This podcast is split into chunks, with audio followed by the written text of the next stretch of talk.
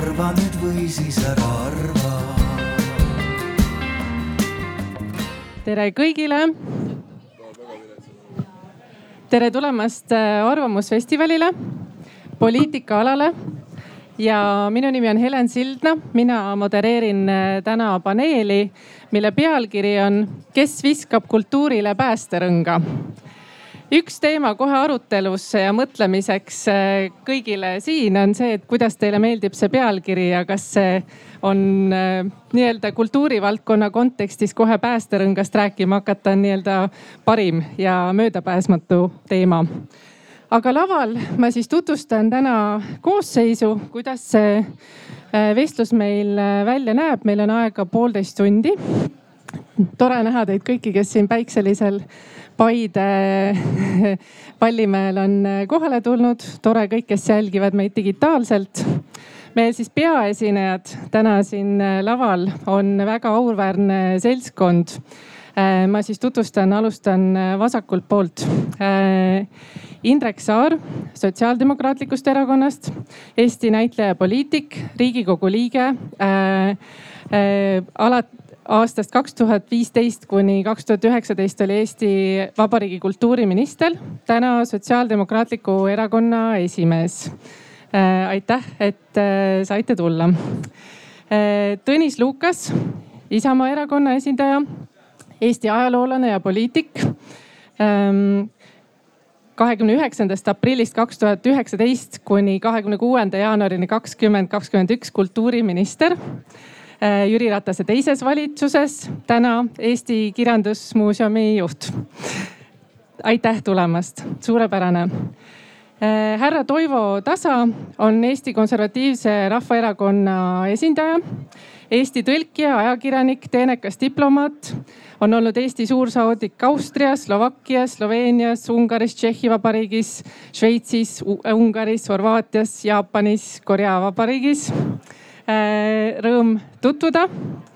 ja Anneli Ott, kes on äh, siis Keskerakonna esindaja ja praegu Eesti Vabariigi kultuuriminister, on olnud Võru linnapea, riigikogu liige, riigihaldusminister ja täna siis Eesti Vabariigi kultuuriminister, nii et meil on au tervitada laval kolme väga olulist inimest, kes on Eesti kultuuripoliitika kulgu juba viimastel aastatel äh, tugevalt eest vedanud ja, ja juhtinud siis kultuuriministri ametis. Ja täna äh, meil on kohal ka laval kultuurivaldkonna eksperdid, et äh, peegeldada, anda tagasisidet äh,, esitada küsimusi ja, ja kommenteerida kõike seda, mis siis laval öeldakse. meil on siis äh, ekspertidena tagantpoolt alustame Sten-Kristjan Saluver, innovatsioonikonsultant, siis äh, Kristiina Alliksaar, Vanemuise teatri juht, Juko-Mart Kõlar, Tartu Ülikooli Viljandi Kultuuriakadeemia juht, direktor ja Peeter Jalakas, Von Krahli asutajajuht. palun aplausi meie fantastilistele panelistidele, kommentaatoritele tänase teema püstitus. Äh, jah, me teame, et kriis on kultuurisektorit räsinud ja proovile on pandud sektori jätkusuutlikkus ja senised tegevusmudelid. samas on ilmsiks tulnud kindlasti ka kultuurisektori erakordset leidlikkust, võimekust ja vastupidavust. koostöö valdkonnas on äh, parem ja tugevam kui kunagi varem aga teema, mida tahaks kõige rohkem täna nii-öelda lauale saada, on see, et kas see, mis tõi meid siia, viib meid siit tulevikus ka edasi ja mis on need asjad, mida hoida ja säilitada, aga mis on teemad, mida kindlasti ka uuendada ja edendada. see oleks siis äh, tänase päeva sissejuhatus ja loomulikult mõtleme ka selle peale et äh, seitsmeteistkümnendal oktoobril käesoleval aastal ootavad meid ka kohaliku omavalitsuse valimised. ja täna on suurepärane võimalus rääkida ka sellest, kuidas jõuab siis nii-öelda kultuuripoliitika ka kohalike omavalitsuste agendasse, visiooni ja erinevate parteide äh, programmidesse Nonii, läheme teema juurde ja ma küsikski kohe sellise intrigeeriva küsimuse esimese asjana, et mis tundeid tekitas teis see tänase paneeli pealkiri? kes viskab kultuurile päästerõnga. alustaks äkki kultuuriminister Anneli Otist. aitäh ja aitäh kutse eest ja aitäh kõigile, kes on siia publikuks tulnud ja, ja tunnevad huvi siis tõstatatud teema osas et äh, eks teema on selline, et seda võib nagu väga laialt võtta, et äh, kultuur, kultuur laiemalt, et kõik inim, inimtekkeline on kultuur. ja, ja millele me siis päästerõnga peame täpsemalt viskama, et me saame seda kas kitsendada või laiendada, et, et see on, see on siis meie nii-öelda vestluse eesmärgi küsimus aga tõenäoliselt me räägime siis äh, rohkem nendest teemadest, mis võib-olla on siis nagu kultuuriministeeriumiga haldusalaga seotud. Kultuur. Äh, mitte siin noh, ma ei tea, ehituskultuur või toidukultuur või, või, või miskit veel muud. Nii et teema on kindlasti intrigeeriv ja huvitav ja, ja oli ka mõtlemapanev, tuleb tunnistada. Aga kas nüüd kultuurile vaja päästerõngast on visata, et ma arvan, et kultuur on tegelikult selline äh, kui me saame seda kuidagi eh, niimoodi sõnastada, siis kultuur on selline huvitav tegelane, et ta tegelikult oskab ise päris hästi ujuda. ja, ja ujub ikkagi päris keerulistest olukordadest ise välja ja, ja kui üks ujumisstiil ei, ei sobi või, või lainetus on tugevam, siis leiab selle teise et eh, mina arvan iseenesest, et, et kultuur on ise kõige parem eh, võitleja ja olukordadega hakkama saaja ja keegi kõrvalt äh, keegi kõrvalt võib küll toetada ja, ja innustada ja julgustada. aga kõik need inimesed, kes ka kultuurivaldkonnas toimetavad, töötavad, panustavad, toetavad, on, on hingeliselt seotud siis äh, need, need viimased aastad on ju näidanud seda, et, et mingisugust allaandmise allaandmise sellist, ütleme siis vibe'i ei ole ja, ja kohe-kohe väga kiirelt hakatakse leidma uusi lahendusi, nii et ma arvan jah, et kultuur ise on tegelikult, kultuuriinimesed ise on need, kes ujuvad igast olukorrast välja suur aitäh selle kommentaari eest. ma põrgataks sellesama küsimuse härra Toivo Tasa teile. kuidas teile tundub, et kas kultuur on midagi, kellele on konstantselt läbi aja vaja päästerõngast äh, nii-öelda visata või, või kas kultuur vajab, vahel tuleb hoopis appi ka ühiskonnale laiemalt? jah, tere ka minu poolt kõigile kaasarutlejatele ja kõigile pealtkuulajatele ja veel internetis istujatele ma arvan küll, et kultuur enamasti on see päästerõngas, eh, mille jaoks, meie jaoks, ehm, eh, mis, mis on, kui midagi enam muud ei ole, siis me ise oleme ju kultuur. kui me räägime näiteks kas Eesti kultuurist või ka kultuurist laiemalt, siis ega meid ilma selle kõigeta ka siin Paide Vallimäel ei oleks.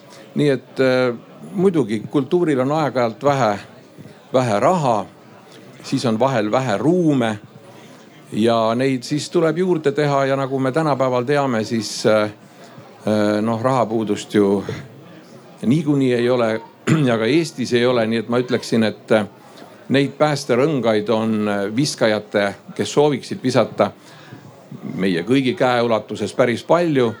ja ma usun, et õige varsti ka meie auväärne praegune valitsus leiab, et äh, ei seitset ega kaheksat ega üheksat protsenti ei olegi vaja kuskilt kokku hoida ja, ja pigem saab, saab anda juurde ja kultuurile igal juhul. aitäh. suur aitäh. Äh, Indrek, kuidas, äh, mis tundeid see pealkiri, paneeli pealkiri sinus tekitas? Ei no tüüpiline kultuuriinimeste halakogunemine, et eh, nutame, et meil on nii raske ja kes meid küll päästaks. et eh, ma tegelikult arvan, et see asi üldse niimoodi ei ole ja, ja ma arvan, et selle võiks ka püüda mitte iseennast sellesse situatsiooni panna, kas siis või noh, kes iganes selle pealkirja pani. aga ma arvan, et, et kultuuril on Eesti ühiskonnas eh, väga tugev positsioon ja, ja kui me vaatame seda, mis kriisi ajal on juhtunud, siis me oleme näinud seda, et, et et, et kultuur on näidanud väga ehedalt seda, mida eh, nii mõnedki inimesed juba mõnda aega räägivad, et vaadake, et maailm muutub järjest kiiremini. selle jaoks, et selles kiiremas, kiiresti muutuvas maailmas hakkama saada, on üks asi, mis sul peab olema, on loovus.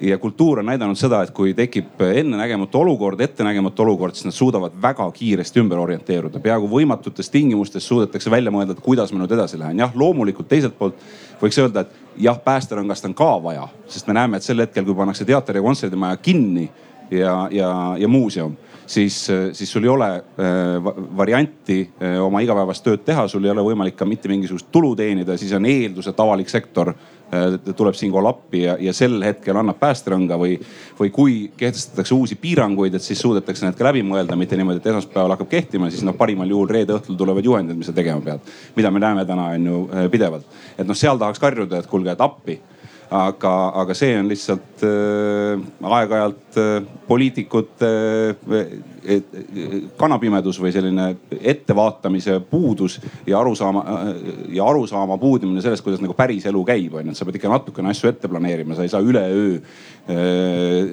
jätta ära äh, oma, oma põhitegevust või, või seda poole väiksemaks viia, et see, see tahab mingit ettevalmistusaega aga ma arvan, et üldiselt on äh, kultuur väga tugev ja ma arvan, et see, mida võiks otsida, on just nimelt see, et, et kuidas seda, äh, kuidas seda kogemust, mida me näinud oleme, et, et keerulises situatsioonis äh, see, see loovus suudab genereerida uusi teid, kuidas edasi liikuda, et kuidas seda paremini tegelikult ära kasutada teadlikult ka teistes valdkondades.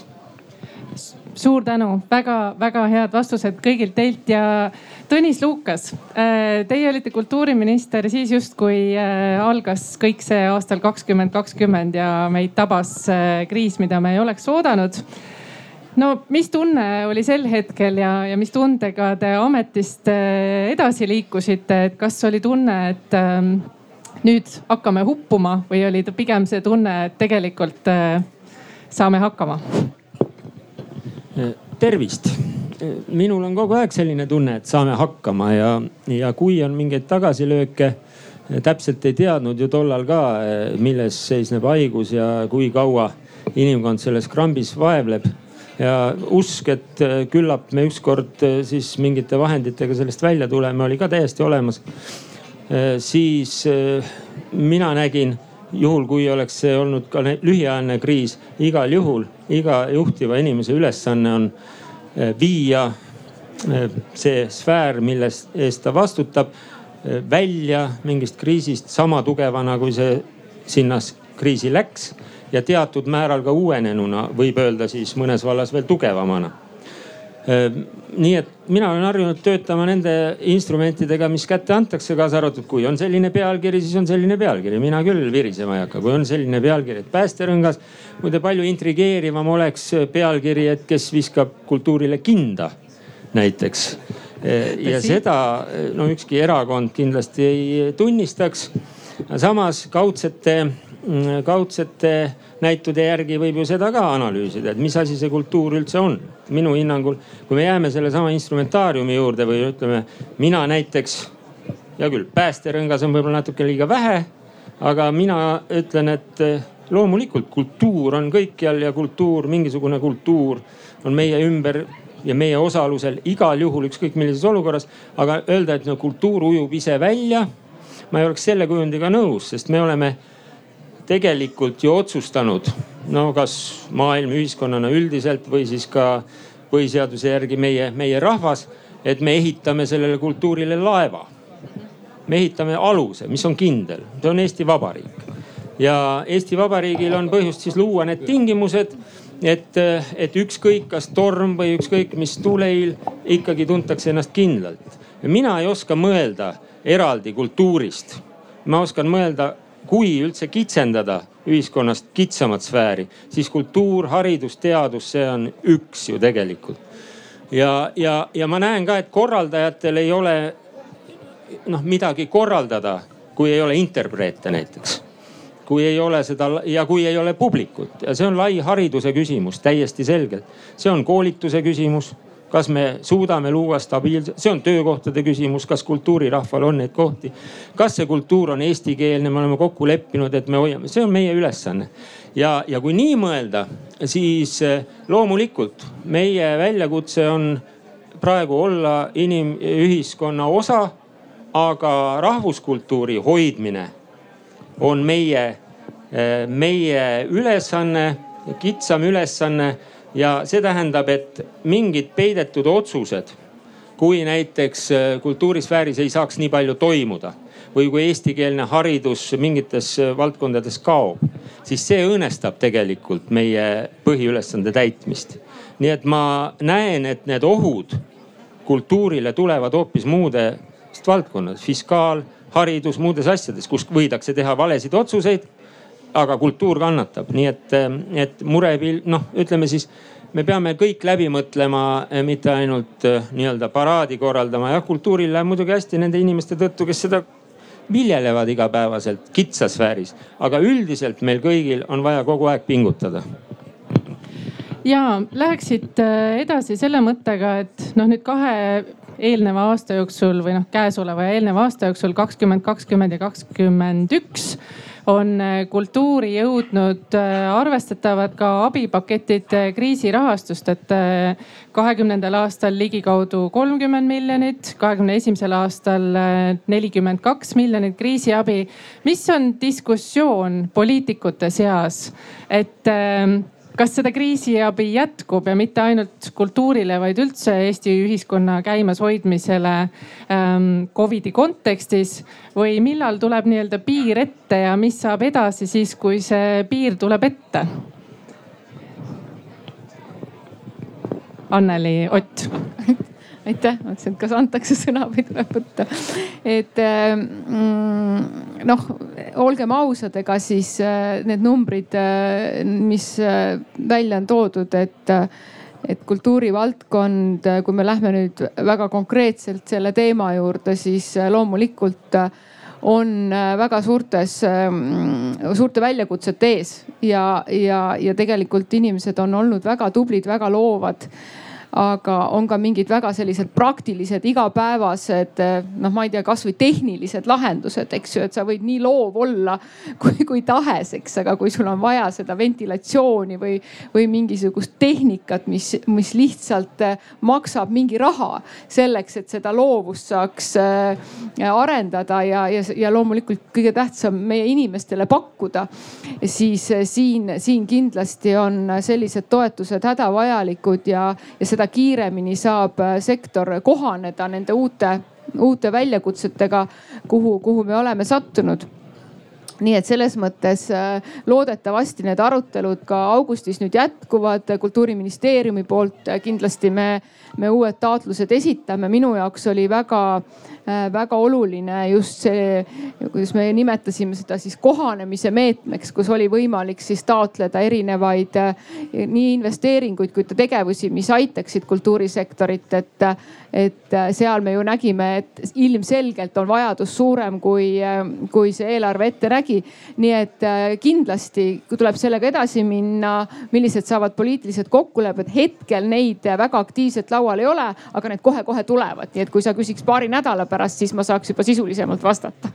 ja ma küsin kohe selle ümberkorralduste meetme teemal ka, aga ma küsin veel korra, et lihtsalt sellise üle, üleüldine meelestatus. äkki äh, opositsioonierakonna esindajana äkki Indrek Saar korraks kommenteerite, et äh,, et mis see meelestatus on, et kas see tundub, kas see on selline koht, kus poliitikud saavutavad üksmeele ja kõik saab aru, et praegu on selline aeg, sest kriisist tuleb üle saada, need abipaketid tuleb nii-öelda noh, need tuleb kultuurile tagada ja et kas, kas selles osas on poliitikutel üksmeel? no ega ma ju täpselt ei tea, mis sealt äh, valitsusest meil ikkagi sügisel äh, laua peale tuleb, sellepärast ma võin, ma võin kommenteerida seda, mida ma siiamaani näinud olen, et. et noh, üks, mis puudutab nüüd otseselt raha küsimust Äh, siis, siis ma arvan, et need abipaketid on olnud head, mis on olnud siiamaani ja see on ka arusaadav, et, et need on vajalikud, see on, see on sektor, kus võetakse tulu teenimise võimalik, võimalus mingiks ajaks ära. Äh, kulusid ei ole võimalik nulli tõmmata päevapealt, et sa pead sinna appi minema, noh muidu ei ole lihtsalt võimalik äh, toime tulla, muidu kukuvad asjad kokku, mida on aastaid, aastakümneid üles ehitatud ja nende, nende taastamine on kordades kallim, see on selge. et, et noh ma ei tea, kuidas need kärped lõpuks riigieelarves kajastuvad, sest kõigil on ju kärpekohustused ja, ja siia sõites ma just kuulsin, äh, kuidas äh, Maris Lauri äh, rahandusministri ülesannetes ütles, et, et hoolimata sellest, et eelarve defitsiit on olnud oluliselt väiksem, kui prognoositi esimesel poolaastal ja raha on, siis kärped tulevad noh, see on näha, et üks äh, valitsuspartei on võtnud endale selle mantra, et kärpida tuleb igal juhul. ja olgugi, et räägitakse tohutust bürokraatia aparaadist, mida tuleb koomale tõmmata, on ju, kärped tulevad huvitegevusest, võtame lastelt huvitegevuse võimalused ära, mis on üks nendest kaasnevatest asjadest, mis lööb kultuuri tegelikult väga kõvasti tuleviku perspektiivis. Äh, ja, ja ministeerium peab ka majasiseselt mingeid kärped tegema, et ma ei tea, ma ei tea, mis sealt tuleb, aga, aga, aga noh, see on, see on, see on praegu spekulatsioon aga, aga kus ma olen küll väga kriitiline, on, on kogu see pool, et, et need otsused valitsusest tulevad kogu aeg sellise, sellise muljega, et nagu oleks ikka veel äh, märts äh, kaks tuhat kakskümmend oli siis, kui see kogu trall meil pihta hakkas. et nagu mitte midagi ei oleks selle pooleteist aasta jooksul õppinud. et kui me, kui me teame juba aasta aega, et üks päev tulevad vaktsiinid, siis hakatakse vaktsineerima. kõiki inimesi ei saa vaktsineerida ja kõik inimesed pole eluski ennast vaktsineerinud. alati on olnud neid, kellel on üks või teine probleem. siis seda kõike, mida me praegu näeme, et appi, nüüd on homme, on üritustel piirang peal, oleks võinud ammu öelda, et kuulge ja potentsiaalselt, kui järgmised lained tulevad, siis tulevad piirangud stsenaariumid on sellised, palun valmistuge selleks ette, kultuurivaldkond, olge valmis, et siin võivad sellised asjad tulla. selle asemel, no ma saan aru, et see viimane äh, variant oli täpselt selline, et esmaspäeval hakkasid piirangud, reede õhtul saabusid juhised onju. et noh, kas siis nagu nii palju ei suuda poliitiliselt ette näha ja, ja siin ma ei saa absoluutselt aru, millega valitsus tegeleb. Mm. Aitäh kommentaari eest, ma korra peegeldaks tagasi, et see on huvitav teadmine, et äh, mis me saime teada nendest äh, nii-öelda kuulajale infoks, et ümberkorraldusprogramm äh, oli siis, kus kultuuriorganisatsioonid saavad mõelda suuremas pildis, et kuidas nad tegelikult oma organisatsiooni viivad tulevikku, et kas sealt oli näha ka mingisuguseid mustreid, et milline on see tulevik, mida kultuuriorganisatsioonid näevad ja kuhu nad tahavad jõuda, et on, on, tekkis sealt mingeid ühiseid nimetajaid, Anneli Ott, kas te oskate öelda? No eks äh, kultuuriministeeriumi poolt äh, ja ma isiklikult olen võimalikult palju kultuurikorraldajatega ka suhtlenud ja seda tagasisidet küsinud, et ega see meede ei, ei sündinud ju kuidagi teisiti, vaid ikkagi äh, koos, koos kultuurikorraldajatega selle sisendiga. aga noh, ütleme sellised hästi laias laastus põhiteemad on ikkagi see, et, et saaks nende piirangute tingimustes võimalikult siis vabalt toimetada mainisin juba, eks ju, seesama ventilatsiooni teema, aga kindlasti ka erinevad digiplatvormid, digilahendused selleks, et eh, siis äh, oma loomingut äh, viia laiade massideni, nii, nii laiadeni kui siis võimalik või tuua alternatiivseid lahendusi juurde. et noh, need on siuksed põhilised väiksemad investeeringud, kõik, mis võimaldavad rohkem hajutada, väljas telgid, kõik siuksed teemad mm. -hmm ma nüüd võtaks ühe hetke ja põrgataks äh, suur aitäh äh, korra selle palli meie ekspertide paneeli. ma nägin, et äh, Stenil oli näpp püsti, kas kellelgi veel on kommentaar valmis, Yoko-Mardil ka. Alustame siis, kõigil on, muidugi kõigil on. Alustame Sten Saluveer sinust, et üks väike peegeldusküsimus, mis iganes.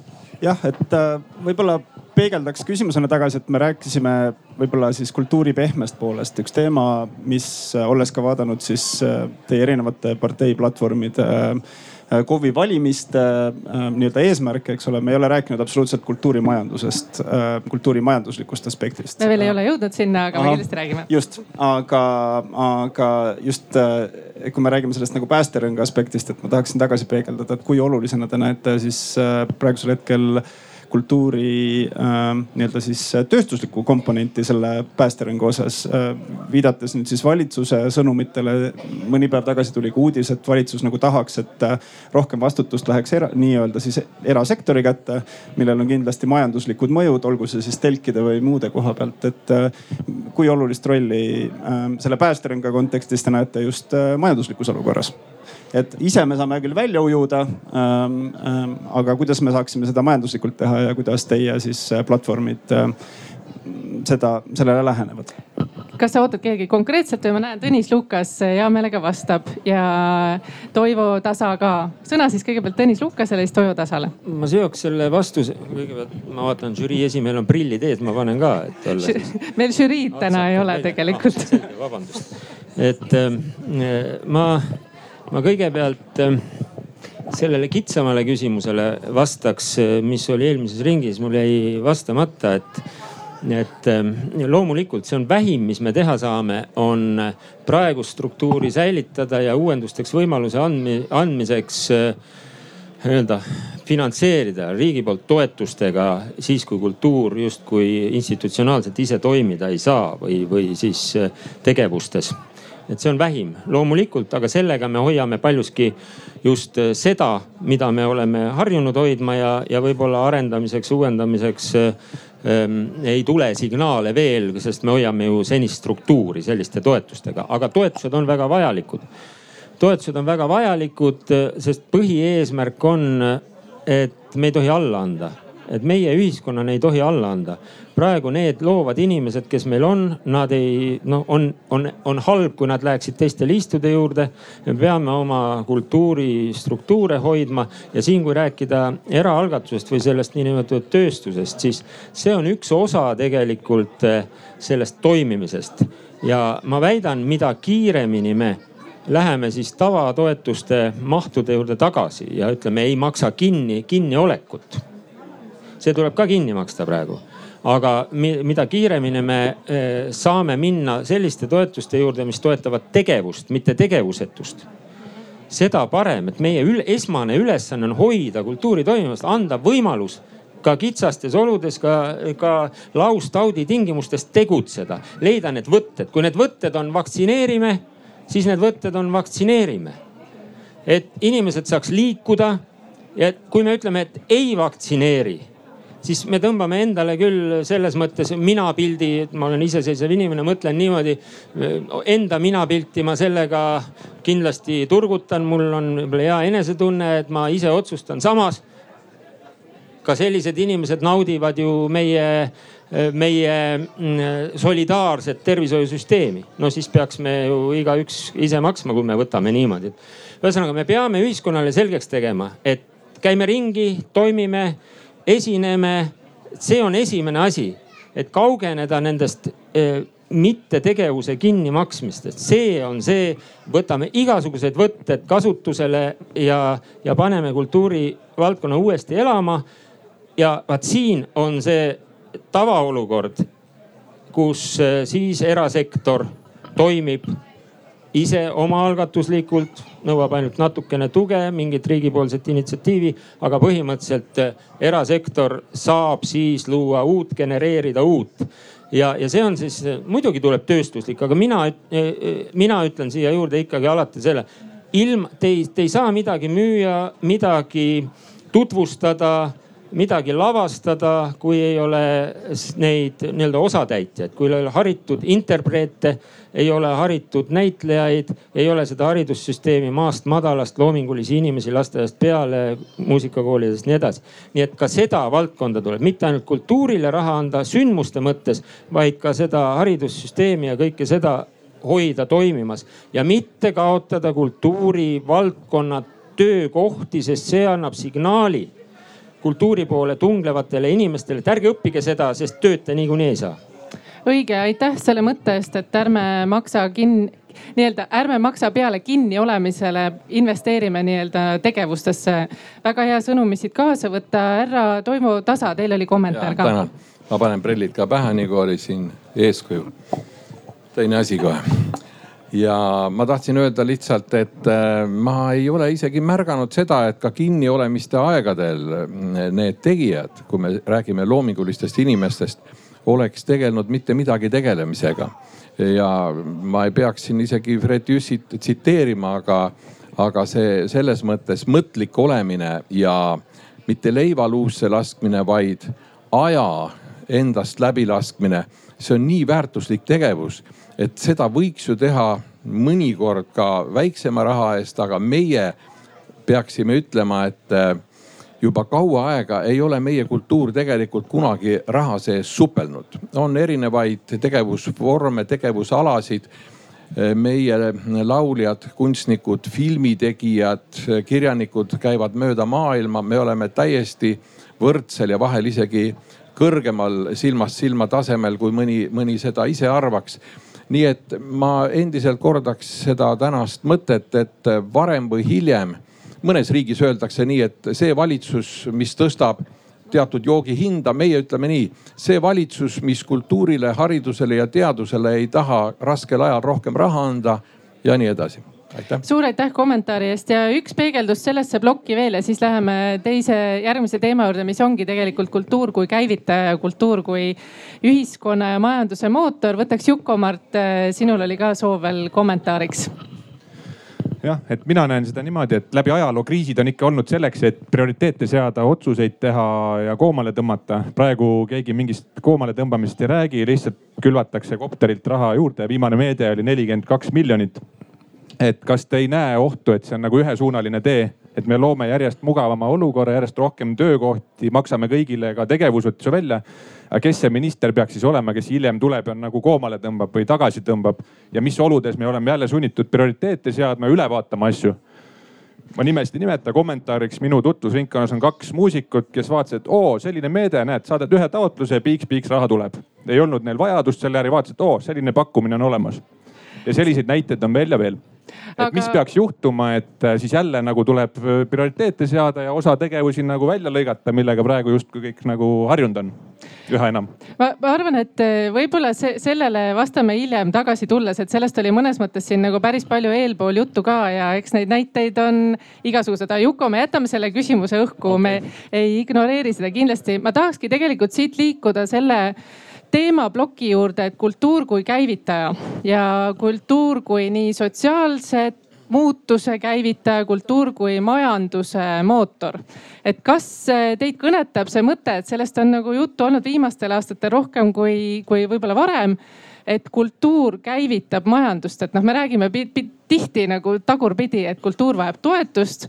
aga kas te oskate tuua näiteid või te tahate kuidagi illustreerida, et mismoodi teie näete, et kultuur majandust tegelikult elavdab? härra Toivo Tasa.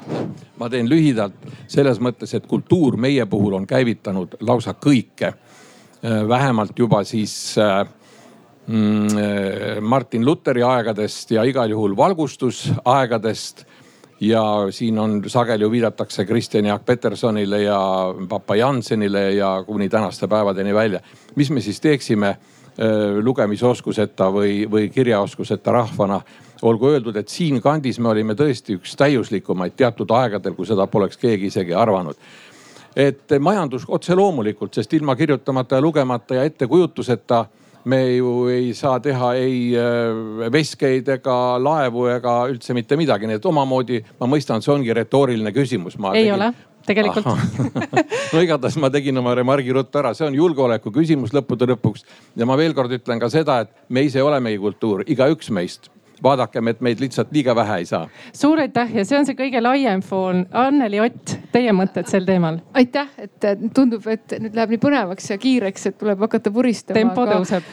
aga kaks, kaks asja, mis ma kõigepealt tahaks ära mainida. kõigepealt äh, lihtsalt kuna nii super aasta olnud Eesti filmile, et, et Cannes'i filmifestival Grand Prix koostööfilmiga Coupé number kuus ja, ja kui me vaatame, kuidas filmiti Eestis Tenetit või Tõde õigust ja, ja kui laiapõhjaline oli tegelikult ühe filmi tegemine ja kui palju sektoreid oli sellesse kaasatud, noh siis me näeme, et, et me räägime kultuurist tegelikult kui majanduse väga tugevast mootorist ja, ja väga tugevast tuluallikast erinevatele sektoritele.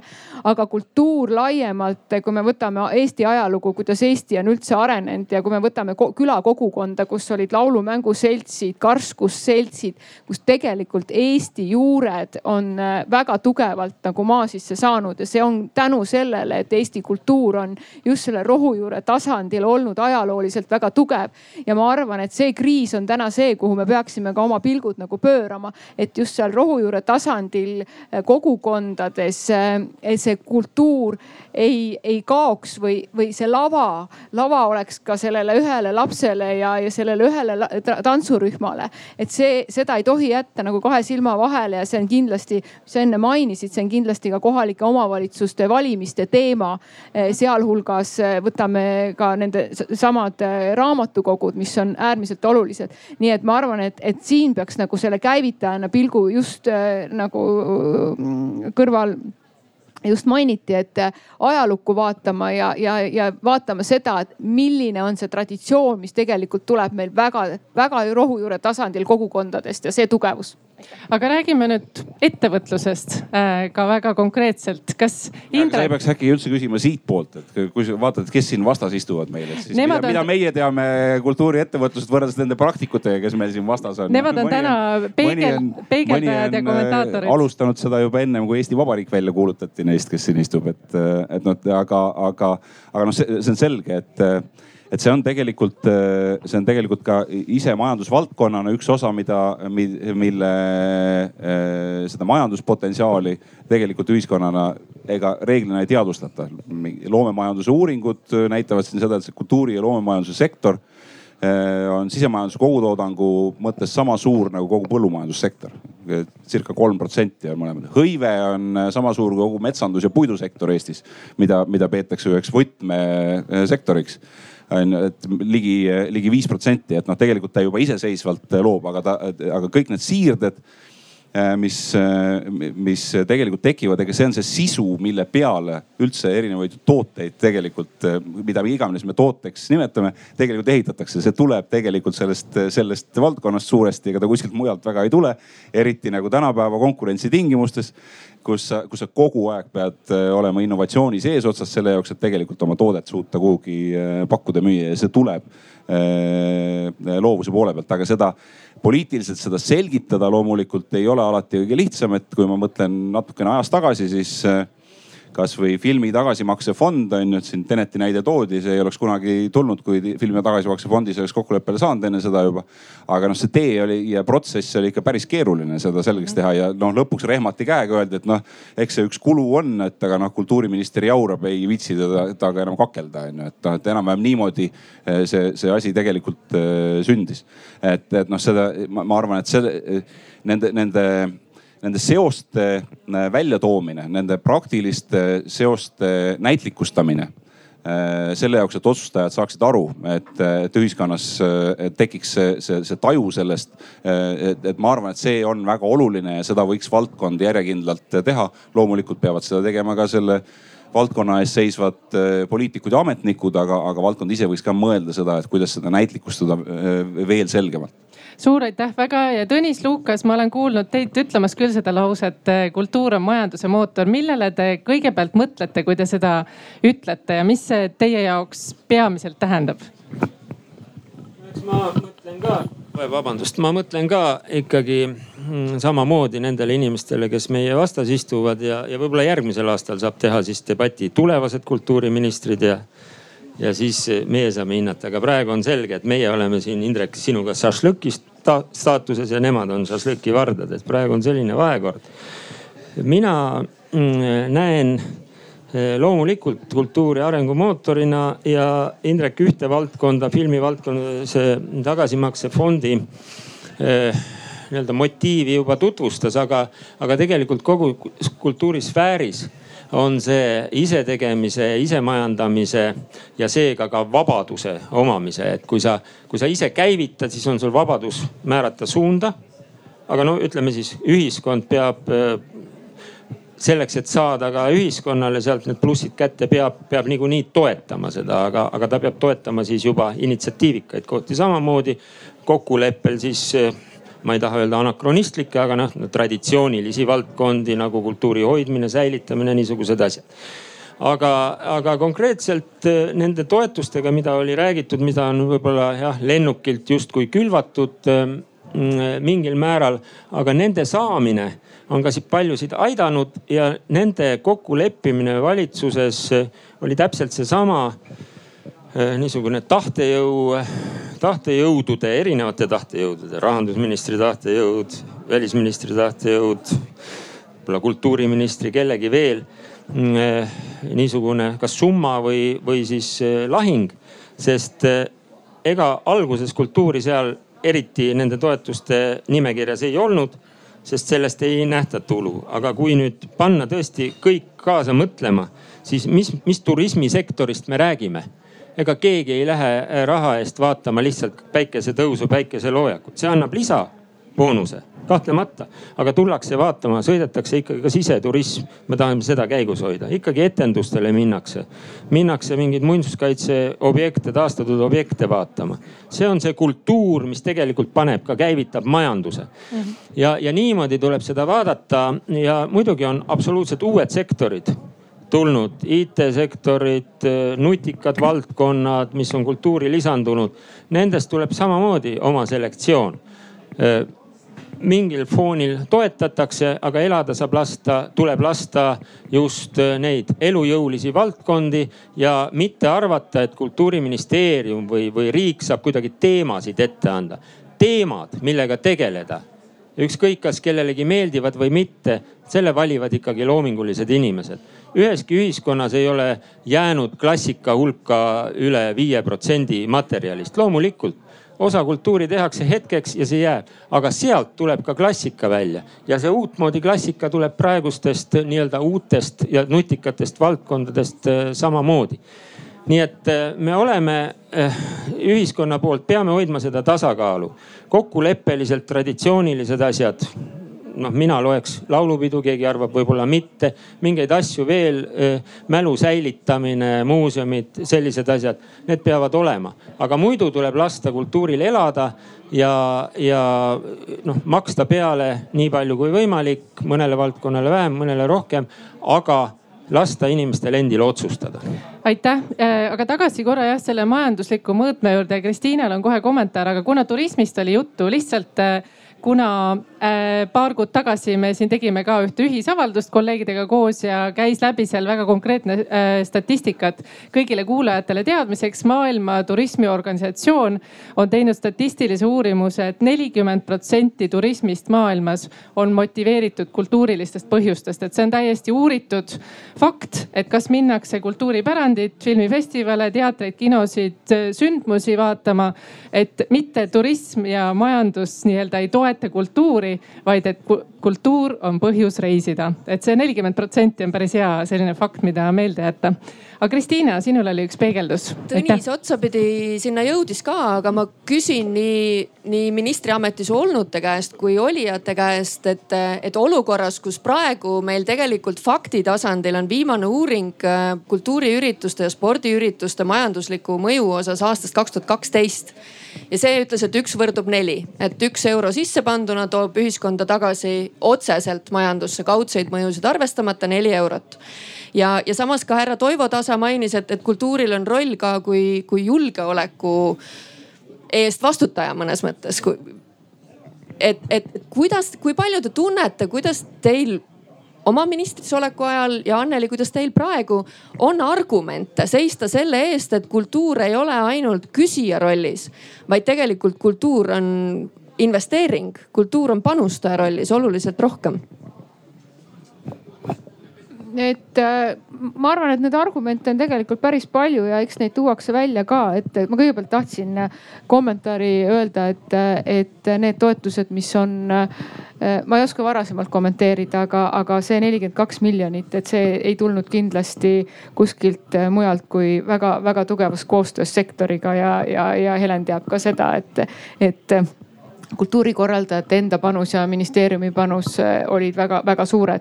nii et siin ei tahaks kellelegi liiga teha, et see kuskilt väljastpoolt oleks tulnud, et, et suur tänu selle koostöö eest ja kultuurisektor oli kui üks äh, tugev rusikas enda eest seismas. aitäh teile koostöö eest. aga, aga mis on need, mis on need argumendid, siis võtame, võtame sellesama olümpia et, et tegelikult ka spordivaldkond ja, ja me toetame ju Rally Estonia, eks ju, et, et need on täna sellised märgilised üritused, mis kõigepealt loomulikult tahavad investeeringuid, tahavad taristut, tahavad kümneid aastaid ettevalmistust.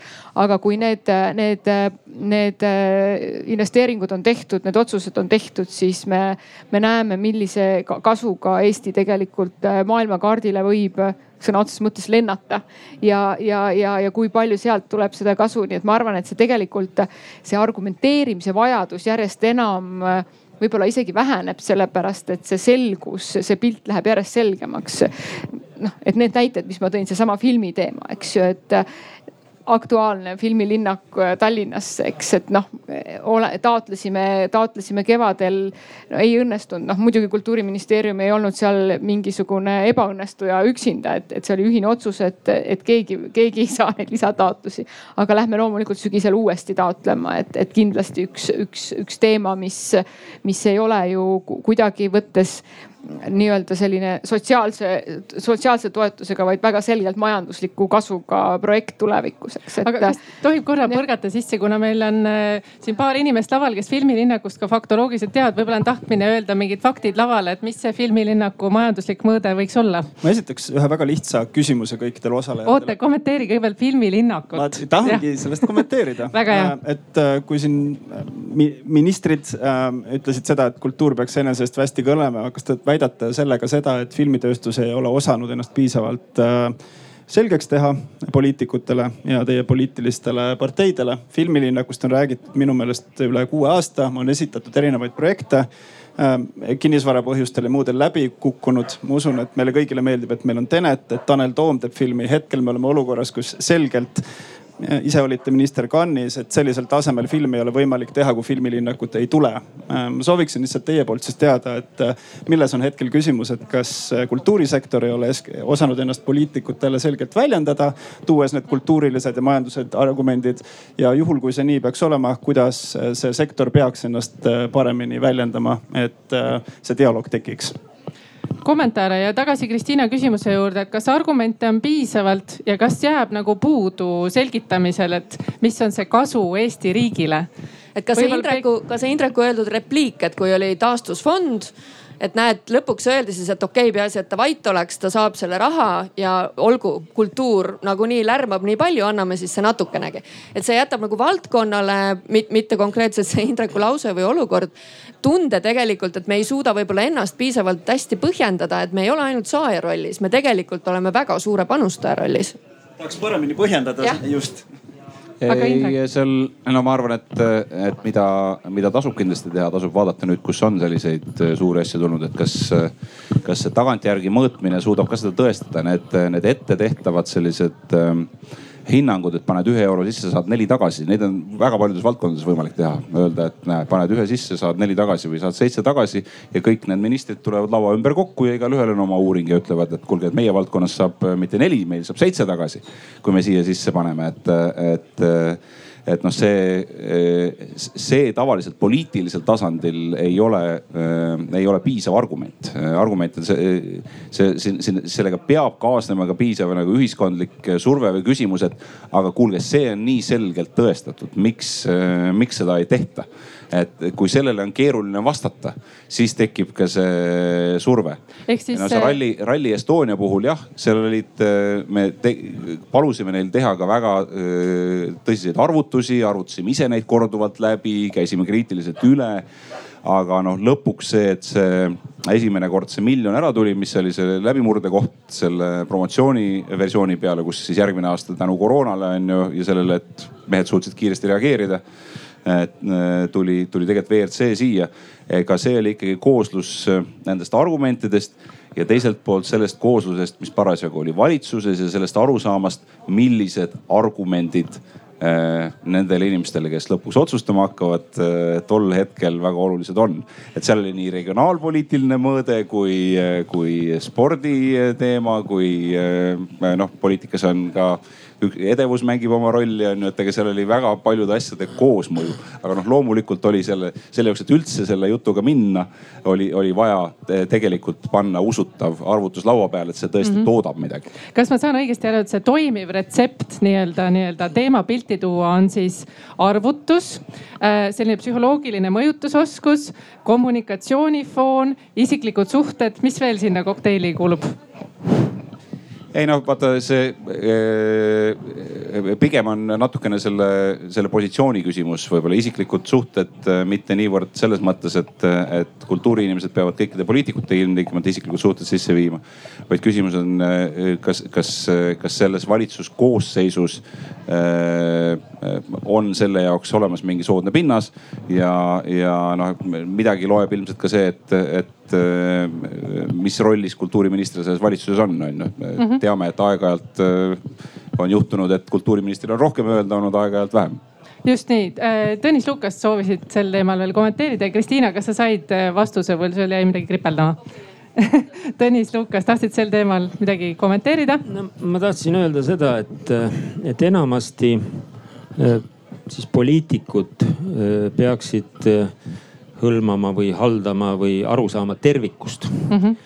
ja tervikust selles tähenduses, et Eesti kultuur on tervik ja meie me, me, meie, meil ei ole sellist luksust, et me saame mõne kultuurivaldkonna välja arvata mm -hmm. rahvuslikust kultuurist.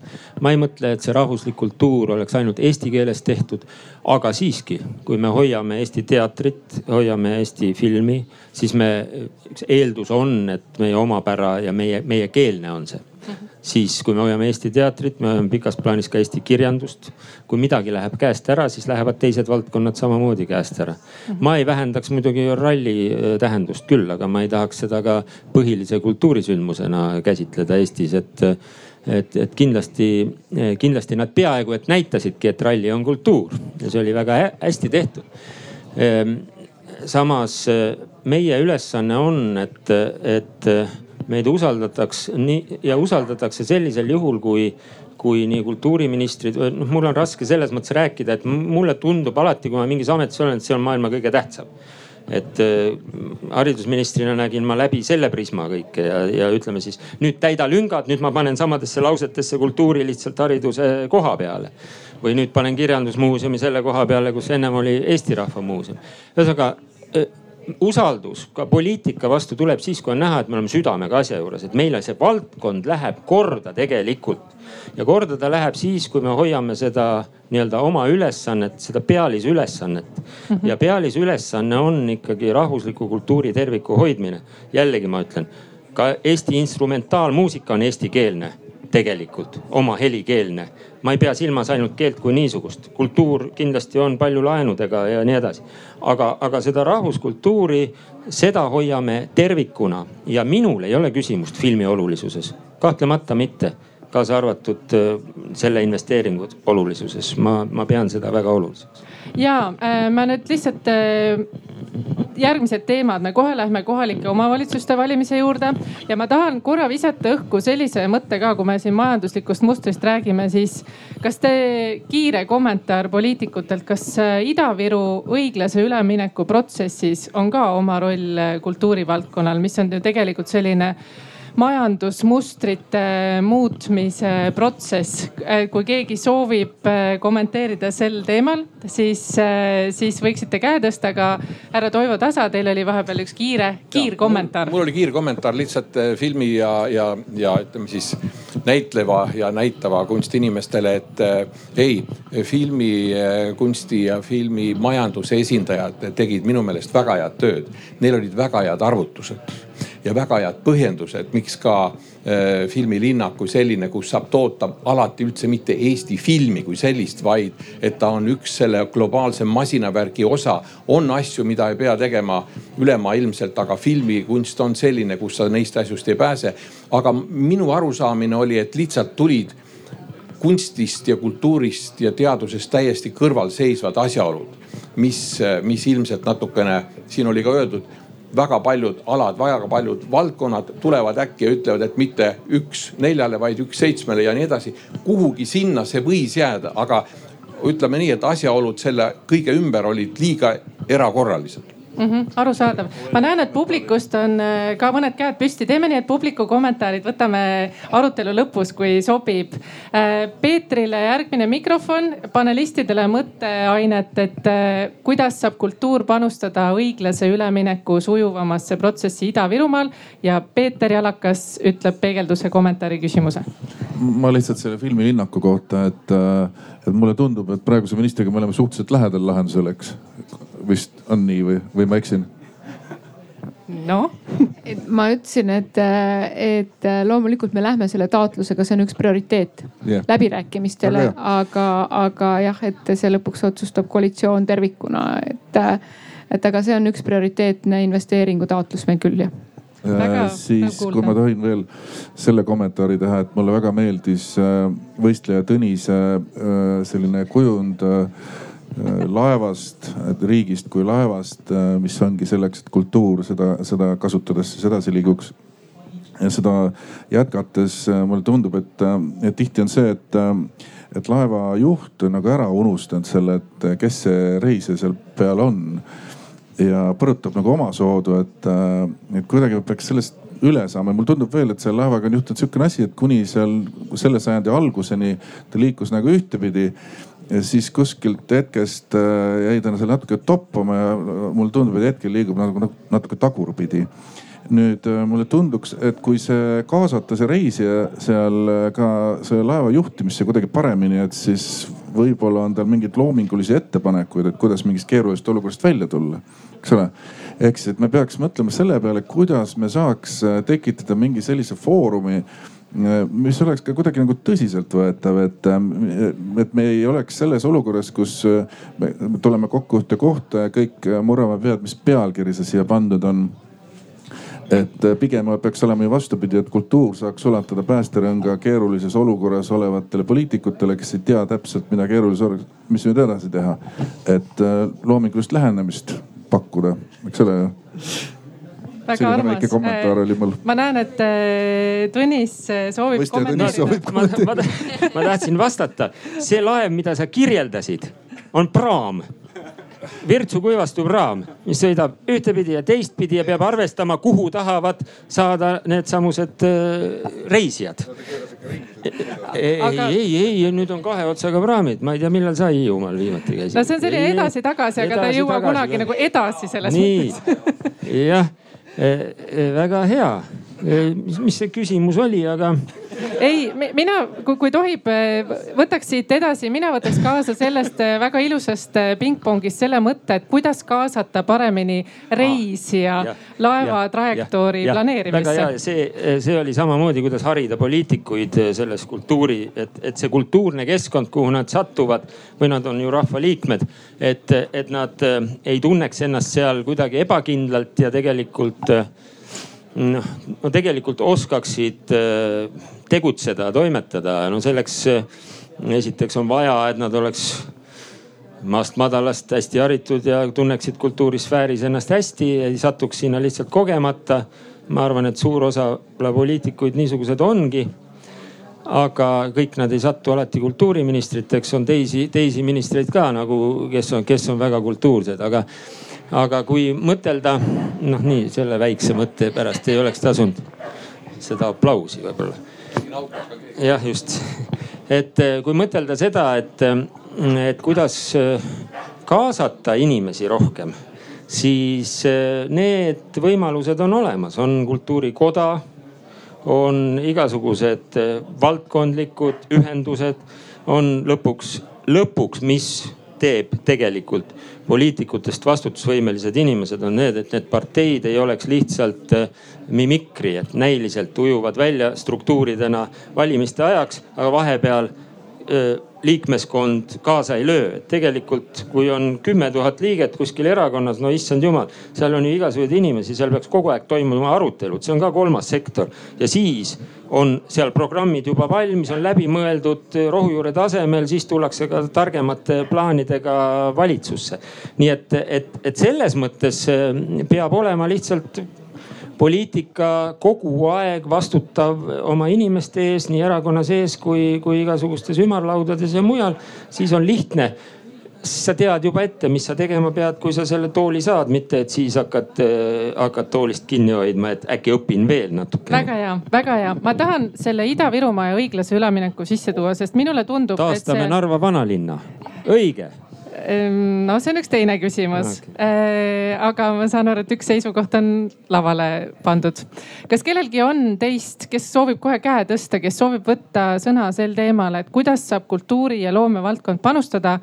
et tegelikult võib-olla mõnes mõttes meie järgmise kümme aasta üks keerulisemaid väljakutseid Eesti riigis, kuidas Ida-Virumaa läheb siis üle äh, uutele majandusharudele, harudele kas kultuur ja loomevaldkond saab siin panustada ja kuidas meie hääl saaks olla tugevam? kas keegi soovib? Anneli Ott. ja aitäh, et äh, noh taha öelda, aga noh, reaalsus on see, et ma otseselt nende meetmete väljatöötamise juures ei olnud ja seda tausta nagu ei tea. mis, mis arutelud seal olid.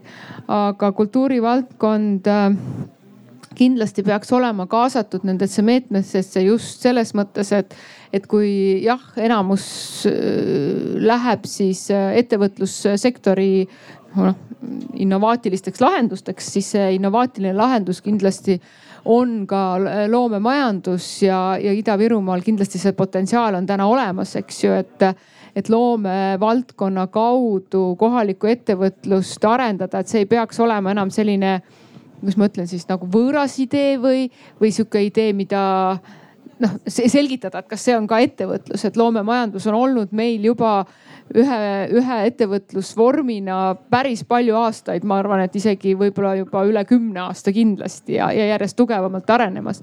nii et Ida-Virumaa jaoks see on kindlasti üks väga tõsiseltvõetav võimalus ja, ja nende meetmete väljatöötamise juures peaks olema siis kultuurisektor, kui neil ei ole otseselt ühte meedet, siis nendest meetmetest üks abikõlblik taotleja, kus me ütleme, et ei ole ainult tootmissektor, eks ju, vaid on, on kindlasti ka loomemajandus see, mis, mis siis kohalikku ettevõtlust edasi veab ja uuele, uuele suunale nii-öelda aitab mm. -hmm.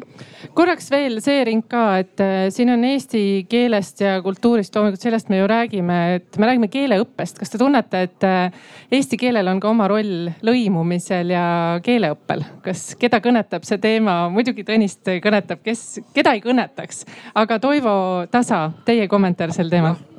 mind kui Eesti filoloogi kõnetab see väga ja ma näen siin veel mõnda teadlast. Jüri Viikberg istub siin esimeses reas, kes praegu tegeleb ka eesti keele teadusliku uurimise ja, ja selle problemaatikaga mm, palju sügavamalt. ma ütleks niimoodi, et see, et meil praegu ei ole veel eestikeelset ühtset ja ühist kooli riigis kolmkümmend aastat pärast taasiseseisvumist, see on muidugi piinlik ja häbiasi. ja ma tahaks, tahaks öelda, et kui siin nüüd mõnel mõnel poliitikul äh, on siin, ma, ma lihtsalt pean natukene olema tõsisem äh, ja teravam. Äh, ootavad siin nüüd uurimised ees, mis ta, mis ta on teinud ja mis ta ei ole teinud, siis ma ütleks, et tegelikult vajaks see ministeerium läbivalgustamist ka selle koha pealt, et miks siis ei ole mitte midagi tehtud et me räägiksime, et me Eesti koolis õpetaksime eesti keeles ja, ja ka eesti keelt hästi miks me pidime vaeva nägema, et EKI ehk Eesti eh, Keele Instituut siin natuke aega tagasi üldse veel alles jäi? Nii nagu me mõni aeg tagasi nägime vaeva, et kirjandusmuuseum, loodame, et ta katus ka korda saab ja keldrid, et see kirjandusmuuseum ka iseseisvana veel alles jäi. Need on need asjad, kus ma tahaks küll, et me räägiksime ka eh, ühest väärtusest, eh, vastutusest kunstnikul on oma vastutus, sest et temast, temast tuleneb see töö, olgu see siis väga raskelt jäädvustatav teater aga ikkagi olgu see muusika, olgu see mm, kujutava kunsti teos, kirjandusteos või, või mõni happening.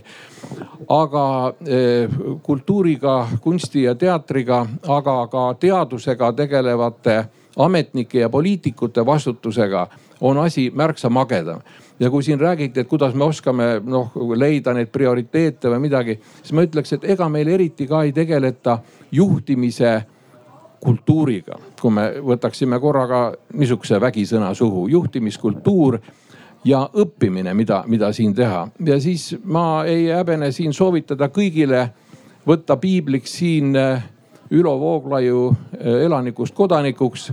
see ei ole ajaviite lugemine, aga ilma neid asju me endale selgeks tegemata selle laevaga väga õnnelikult ei pruugi seilata aga eh, kuidas siis äh, eraraha, eraettevõtluskultuuri saab toetada? ta ju toetab läbi Kultuurkapitali vägevasti sellist head süsteemi nagu meie Kultuurkapital kõigi tema vigadega, kõigi nende oma poole teki sikutamiste ja ebaõiglustega. aga ikkagi ta on meil olemas see on ainukene, millega me suudame võistelda Ameerika-suguse või mõne teisesuguse fondide paljususega silmatorkava riigi kõrval. Äh, meie kultuurkapitalita meil ei oleks paljusid asju, nii et erakapital tegelikult ikkagi aitab päris kenasti ja Itaalia riik, seda Jaapanis üks kolleeg, Itaalia suursaadik ütles, et mis küsis suure ringi küsimuse, mis on see artikkel, tegevuskauba artikkel, millega Itaalia eksport kõige rohkem punkte ja raha koju toob. No me muidugi pakkusime seal autotööstust ja muid paljusid asju, isegi disaini pakkusime, mis on juba peaaegu lähedal. aga ikkagi olid puhtkultuuri artiklid, muusika, ooper, kõik muu, aitäh. aitäh, ma tahaks, ma tean, et Stenil on üks väga hea mõte teemal eesti keelest. just, et äh, me rääkisime olles jälle vaadanud teie partei programme ja meie põhiseadust, eesti keel on väga oluline. minu küsimus siit on see, et viidates nüüd õppimisele, viidates koroona olukorrale, kus enamus meist peab veetma aega kodus öö, oma erinevate nutiseadmete küljes. et kui meil põhiseaduslikult on eesti keel nii oluline, siis kes teie arvates peaks võtma vastutuse poliitiliselt selle eest, et Apple, Google ja teised platvormid hakkaksid näiteks meie lastega eesti keeles rääkima?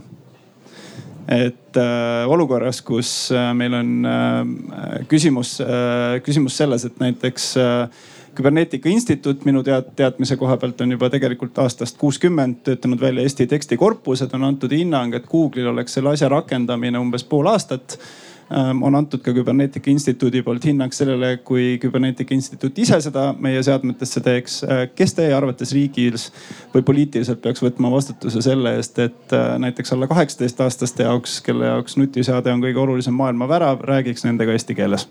kellele sa suunad küsimuse? kõigile. Tõnis mina tahan hea meelega vastutada selle eest, sest ma pean seda väga tohutult oluliseks ja haridus-teadusministrina selle teemaga olen ka palju tegelenud. ja praegu võib ütelda, et nii tekstikorpusega, küberneetika instituudiga kui ka masintõlke või masinkõne versioonid Tartu Ülikoolilt on päris arenenud. me, ma ei taha piirduda selle uhkustamisega, et me oleme kolmekümne nii-öelda tehnoloogiliselt areneva keele hulgas, aga me oleme seal piiri peal, sest me ei ole tegelikult viimasel ajal piisavalt seda valdkonda finantseerinud et siin on vaja kõigepealt me ütleme siis, siin on vaja nüüd ka seda, et siin oleks konkreetne riiklik tellimus nendele teadlastele ja kaasa arvatud siis riiklik tellimus neid kokkuleppeid teha. Meil on muide omavalitsusi, kus lihtsam, lihtsam veebidokumendi haldussüsteem on, on tegelikult tõlkimata ja ei ole eestikeelne. nii et kui me räägime eestikeelsest asjaajamist, need on sügavad Eesti, Eesti omavalitsused tegelikult.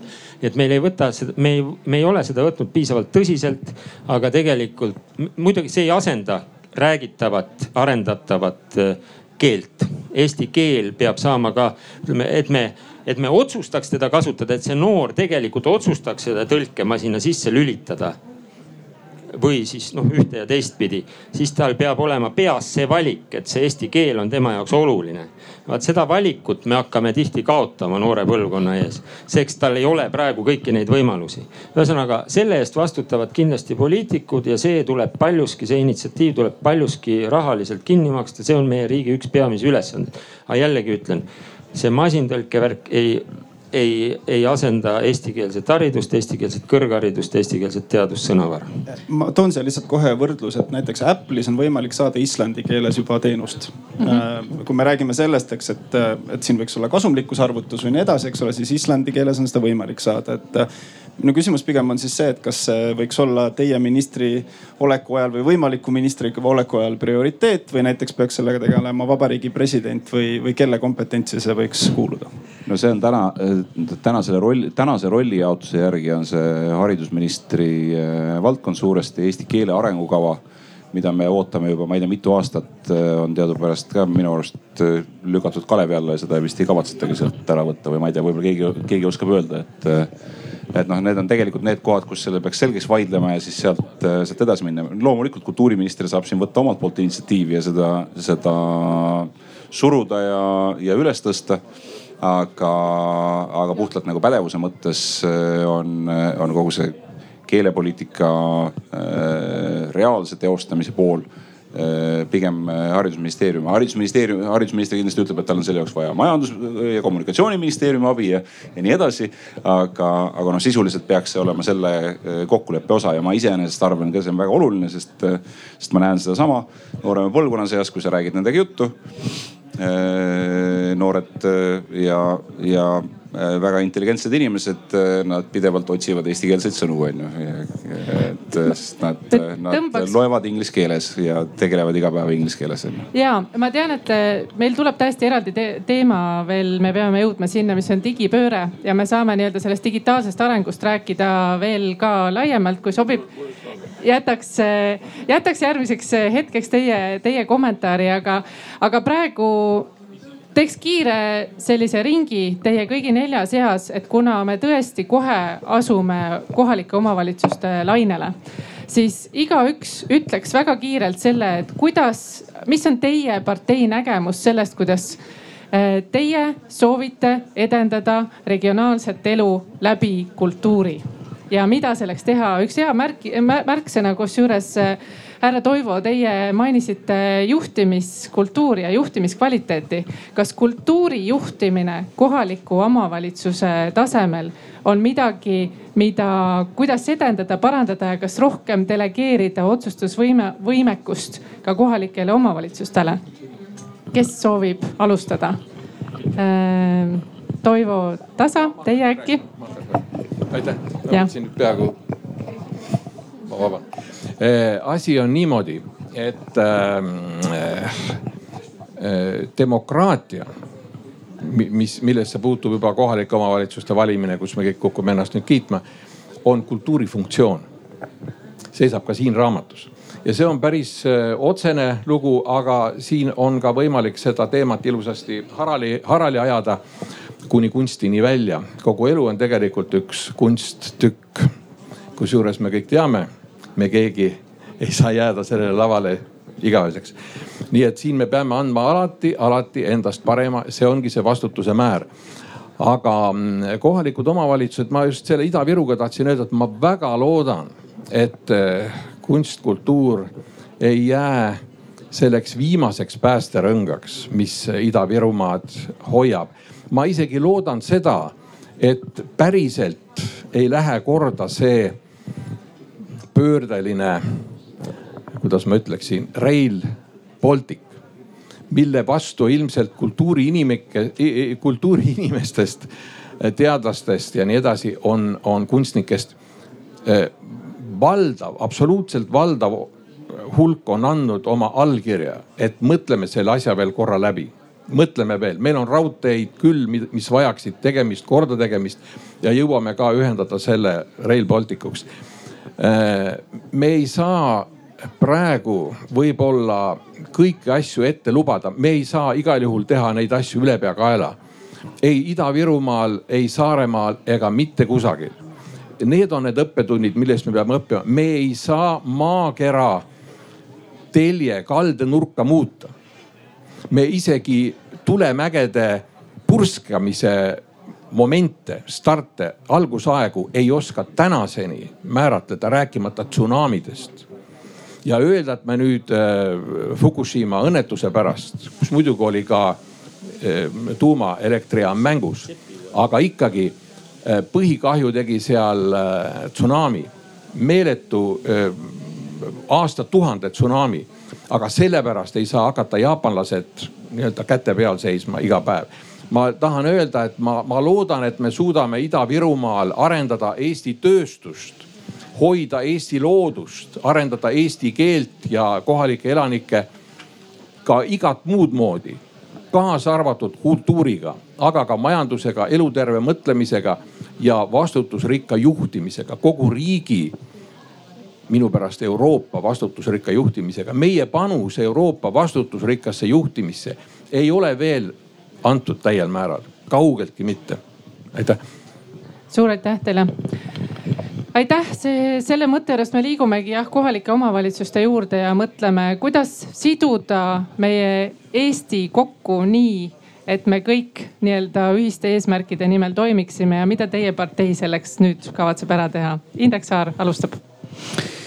ja kohalike omavalitsustega on muidugi niimoodi, et, et nad tegelikult äh, kõik äh, panustavad oluliselt rohkem, kui neil on seadusest, seaduses on ette määratud kultuurivaldkonda.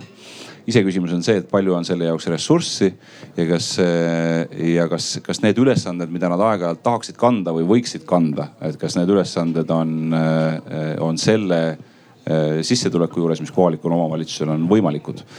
et noh, näiteks pean küll tunnistama, et sotsid osalesid ka selles, aga ei kukkunud kõige paremini välja see viimane haldusreform kus äh, need äh, moodustised, mis üle Eesti tekkisid, äh, ei ole kõige ratsionaalsemad. et noh, hea näide lihtsalt Paides olles. Paides on super kohalikud eestvedajad olnud et kui nad kaks tuhat kuusteist hakkasid mulle rääkima, et nad tahavad Paidesse nagu päris teatri teha onju, siis ma mõtlesin, et see on mingi nali. Nüüd viis aastat hiljem me juba oleme harjunud sellega, et Paides on väga äge teater, aga seda puhtalt nagu kohaliku initsiatiivi peal. Aga, aga see ei ole ainult Paide asi, see on kindlasti laiemalt regiooni asi et aga Türil on omad tegemised, Põhja-Järvamaal tehakse oma asju. saarlastel näiteks, kus on üks omavalitsus, kus ennem oli Kuressaare linnateater, justkui Kuressaare pidi sellega tegelema. nüüd, kus on see, see on selgelt ju kogu selle regiooni teema, on üks omavalitsus, siis on see pilt hoopis loogilisem. loomulikult on seal jälle küsimus selles, et kuidas see ressurss on jaotatud, sest Kuressaare väga paljuski toetub ka sellele, et, et kulud on jagatud riigiga Äh, ja Paide puhul on neid äh, siis seda, seda maja aidanud äh, riik töökorda panna. aga, aga noh, ma arvan, et seda, seda seda koostöö kohta, et, et kohalik omavalitsus pakub omalt poolt välja initsiatiivi ja on ka valmis võtma otsust, vastutuse. ka rahalises mõttes, mitte ainult see, et noh, me tahaksime siia midagi teha ja peaks tegema. et see on tegelikult väga oluline selle jaoks, et kohtade peal üldse midagi sünniks ja, ja teiselt poolt see, et riik on valmis nende asjadega kaasa tulema, kus ta näeb, et selgelt võta, võetakse vastutus, mitte ei öelda, et makske kõik kinni, ehitage siia üks suur ilus maja on ju siis me vaatame, mis me sinna sisse teeme et see on väga oluline, aga me jõuame sealt väga lihtsalt selleni, et, et mismoodi on täna tegelikult äh, need äh, äh, vahendid ja kohustused jagatud. sest, sest noh, ma tulen jälle halva näite juurde, et siis tänane valitsus on seadusest välja lugenud, et huvitegevus on kohaliku omavalitsuse asi.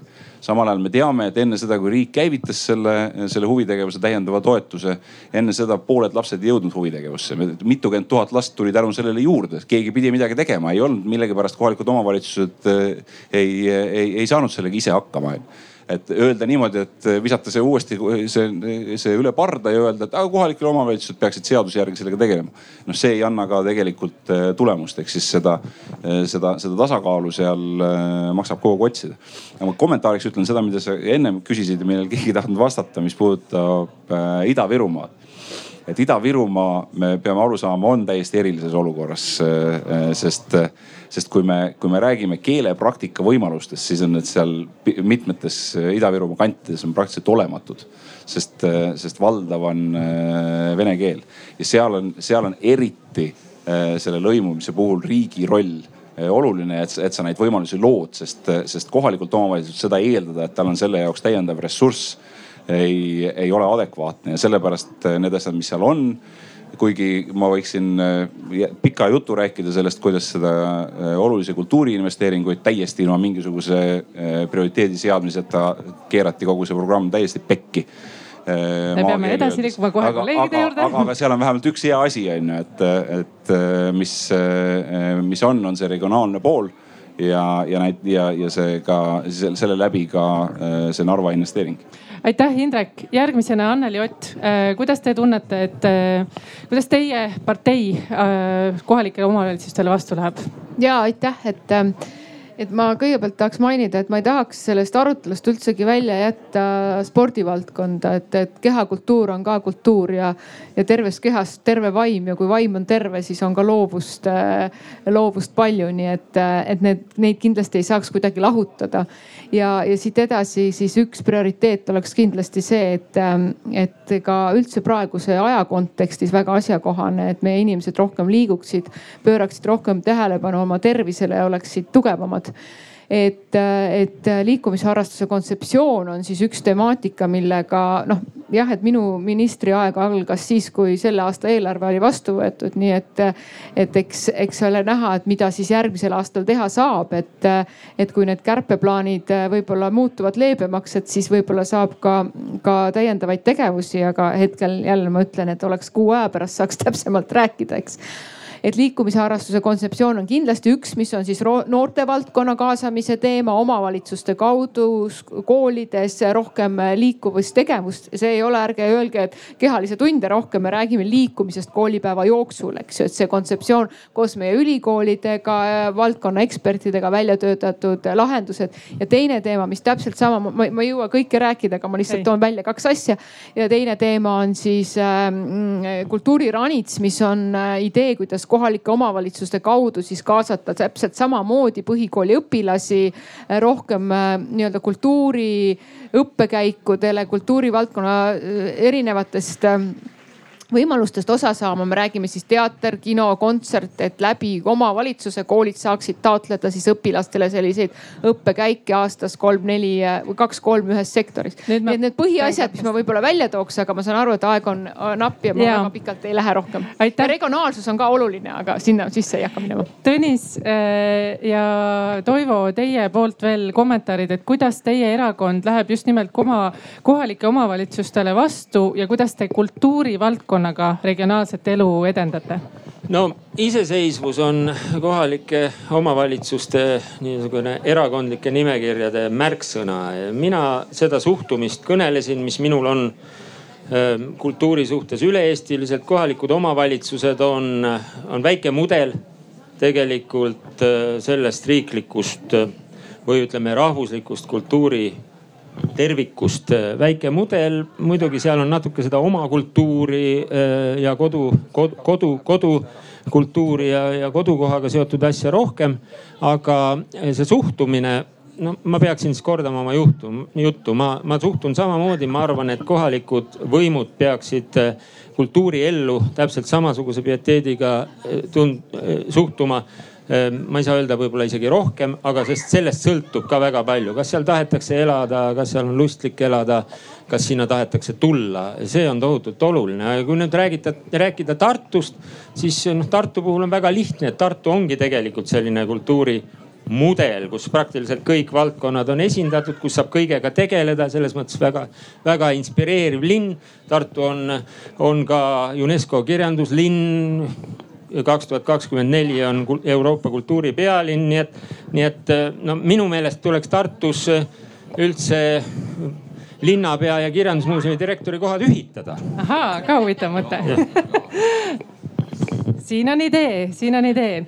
Toivo, Tasa, kuidas teie erakond läheb vastu? ja meie läheme vastu tegusalt. ma usun nagu kõik. mina konkreetselt olen Harkus mis on, ma tahan rõhutada, ka üks merelisi, ta ei ole saar, aga ta on siiski ka üks merelisi kohalikke omavalitsusi, kus me tahaksime teha seda, et toetada neid inimesi, kes on põlvkondade vältel elanud rannaaladel, nii-öelda rannarahvas. aga kolme okupatsiooni vältel on nad jäänud ilma oma klassikalisest aegade jooksul põliseks olnud tegevustest, küll kala püüdmine, küll ka natukene kaubavedu ja võimalus kasvõi oma laidurit ehitada paadi jaoks, mitte et ei peaks minema Nobel jahtidega äh, kuskil äh, supersadamasse võistlema, kus ei jaksa isegi paar päeva, ükskõik kes, isegi minister oma paadikest hoida, kui ta seda ka tahaks. et see on üks selliseid asju, kohalike omavalitsuste tulubaas peaks olema piisav selleks, et ise siis ka midagi teha ma arvan, et Harkus peab pöörama tähelepanu koolide olukorrale, seal ehitatakse küll uusi koole, aga vahepeal ehitatud koolid on jäänud olukorda, kus mõni tahab neid kuskile piirivalve käest ära võetud eh, väljaõppekeskusesse suunata kolmkümmend meetrit eh, langevarjuga piltlikult hüppama ühesõnaga niisugust lugupidavat asjaajamist nagu üldiselt seni on olnud, aga ma usun, meie erakond teeks seda palju paremini kui seni. selge, aitäh teile. kohe küsime publikust küsimused, aga tegelikult me, meil on vaja siin veel kiirelt saada lauale nii-öelda tulevikuvaade meil on jäänud reaalselt viis minutit, aga ma küsiks meie kommentaatoritelt äh, sellise mm, ja ka inimesed, kes soovivad küsimust küsida, et see, see põhiküsimus, et äh, mis on teie jaoks need peamised tulevikusuunad, et mida me peaksime nüüd tegelikult olles Covidist õppinud ja olles seda kõike teiega siin täna rääkinud, et kas öelge igaüks kolm peamist suunda, kuidas siit edasi nii-öelda kultuurijõuga liikuda edasi, et noh, mõelge mingisugused märksõnad, et äh, kas see on nagu digitaalne, kas see on ettevõtlikkus, kas see on eesti keele toetamine, et mis need on, öelge igaüks enda jaoks sellised kolm peamist suunda, kuidas tulevikus juhtida Eesti kultuuri edasi nii, et me liigume võimsalt ja jõuliselt. Ja publikust oli ka kellelgi küsimus, kohe saame võimaluse küsida ka see ähm,. Sten, kas hoopis sina tahad vahepeal teha ühe peegelduse või, või tuua mingi tuleviku perspektiivi sisse? üks teema, millest me ei ole üldse rääkinud, on äh, aga hästi ja ma paneks sellesse kolme wish list'i ka selle, et äh, kas me tahame või mitte ei taha, me ei saa nagu Euroopa Liidu osalusest kogu selles suures pildis üle äh,. Vaatame loomemajandust, vaatame taristu ehitamist, vaatame tehnoloogiat, nii edasi. meil on väga selge, et on antud üsna selged ambitsioonid aastaks kaks tuhat kakskümmend viis, see puudutab rohepööret, see puudutab digipööret, see puudutab taastusrahastu kasutamist Ehm, kell hakkas jooksma, meil on kolm pool aastat aega. Ehm, kuidas te raamistaksite siis enda poliitilise platvormi tegevused äh, ka selles nii-öelda kolmepunktilises äh, ideaalplaanis, aitäh. väga hea, kas kommentaatoritest keegi, Juko-Mart soovib öelda oma kolm suunda? las äh, võib-olla paneeli teine pool vastab, et see ma avaks mingi suure teema, ma praegu ei jõua teha seda.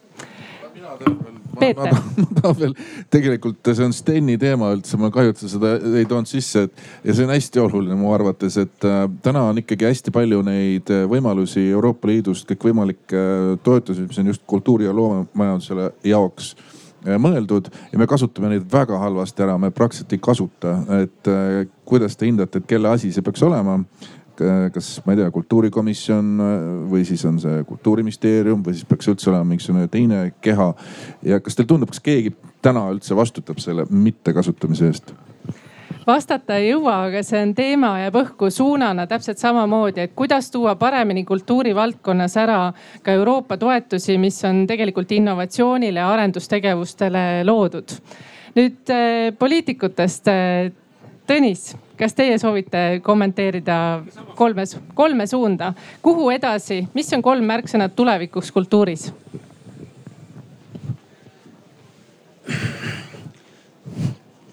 laiapõhjaline eh, ja, ja niisugune terviklik haridus eh, algusest peale.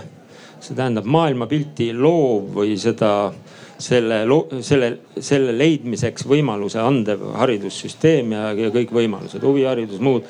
meie muusikalise ja kõige selle traditsiooni jätkamine, huviharidus muu hariduse kõrval. see on tohutult oluline baas. teiseks loojatele eh, vabaduste andmine, nende vabaduste andmine, mis on selleks vaja, et et see koor jääks pinnale, et, et, et see baas oleks lai Eh, et alguses igaüks saaks oma tee valida, et siis tuleb ka, selgub, et kellel midagi ka sellesse rahvuslikku või ülemaailmsesse kultuurikatlasse anda. Eh, ja kolmas, no nüüd ma võtan selle väljakutse vastu, et eh, jah, õige on, et, et need niinimetatud imelikud sõnad digi ja rohepööre et nendega peab niikuinii kaasa minema sellest digitaalsest lähenemisest me juba rääkisime, ma ei hakka siin kordama. Ehm, ja see nutikas maailm loob kultuuri ise paljuski.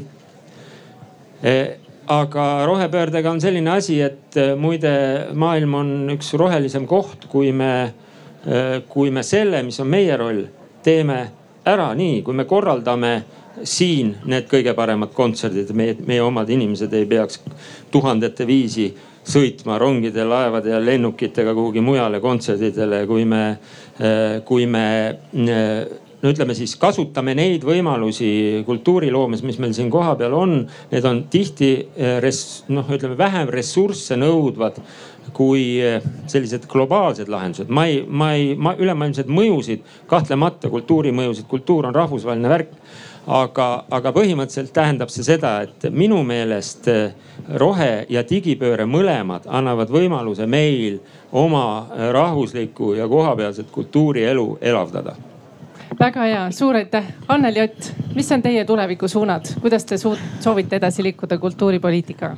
aitäh, et äh noh, eks need digiteemad ja rohepöörded, need on meil siuksed üldised laiemad teemad, mis äh, niikuinii katavad nagu kõiki ja ma arvan, et siin on äh, kultuur ei ole kuidagi erand ja ja, ja sellega tuleb niikuinii kaasa minna. küsimus on see, et, et mis selle sees toimub. seesama keeleteema täpselt samamoodi. et minu märksõna oleks äh,, on juurte juurde, sest et ja, ja sealhulgas pärandkultuur ja see ei tähenda seda, et me oleme kuskil, ma ei tea, kuskil mullas plätudega, eks ju, või, või, või viiskudega või.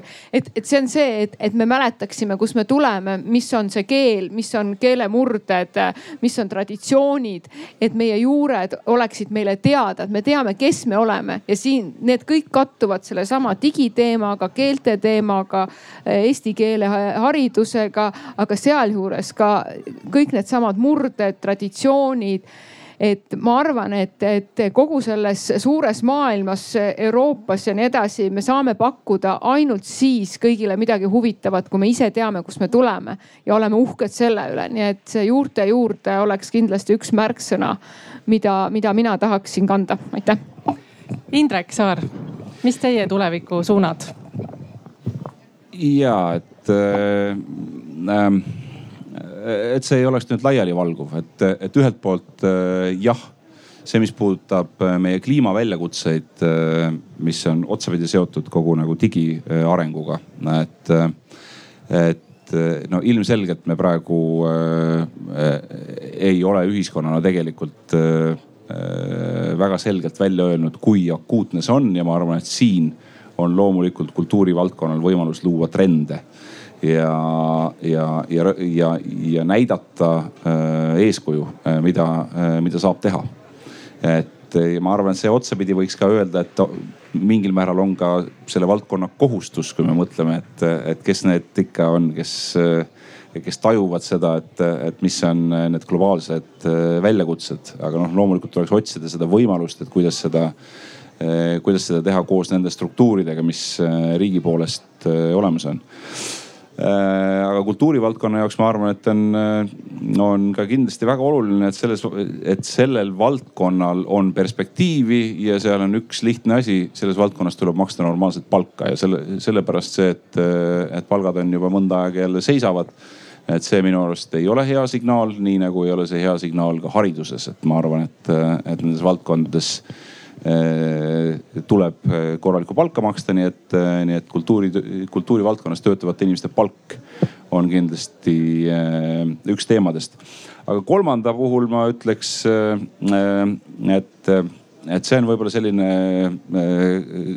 hetkeprobleemi, ühe hetkeprobleemi lahendaks ka ära, aga see, mida Peeter tegelikult ütles et kuidas seda, kuidas seda dialoogi tegelikult tekitada, et, et kunagi, kui meil oli äh, kultuuriminister oli totaalne katastroof, on ju, siis eh, Peeter ja mõned teised inimesed tegid kultuurikoja, on ju, et tal oli tolles ajas väga oluline roll. noh, tänaseks ta on hoopis millekski muuks muutunud ja ilmselt seda funktsiooni tegelikult enam eh, päriselt ei täida. et noh, seda tuleks otsida neid, eh, neid kohti, kus või tuleks seda dialoogi otsida teiste, ilmselt teistes formaatides seda enam, et me oleme näinud, et kriisi ajal tegelikult kultuurivaldkond ise suudab väga palju koonduda ja, ja võtta initsiatiivi. Aga ma arvan, et see võib-olla oleks väga oluline ka selle permanentse juhtimiskriisi ära lahendamisel, mis riigis on, sest teades, kuivõrd mitmetahulised ja, ja tihtipeale komplitseeritud organismid on kultuuriasutused ja, ja, ja neid suudetakse juhtida, siis, siis võib-olla noh, see väike asi nagu koroonakriis presidendivalimised ja kõik sellised äh, väga konkreetsed väljakutsed, mis valitsuse ees on, saaksid siis ka lahendatud, kui midagi õpitaks kultuurivaldkonnast. ma paneeli lõpuks teen ühe ettepaneku ka.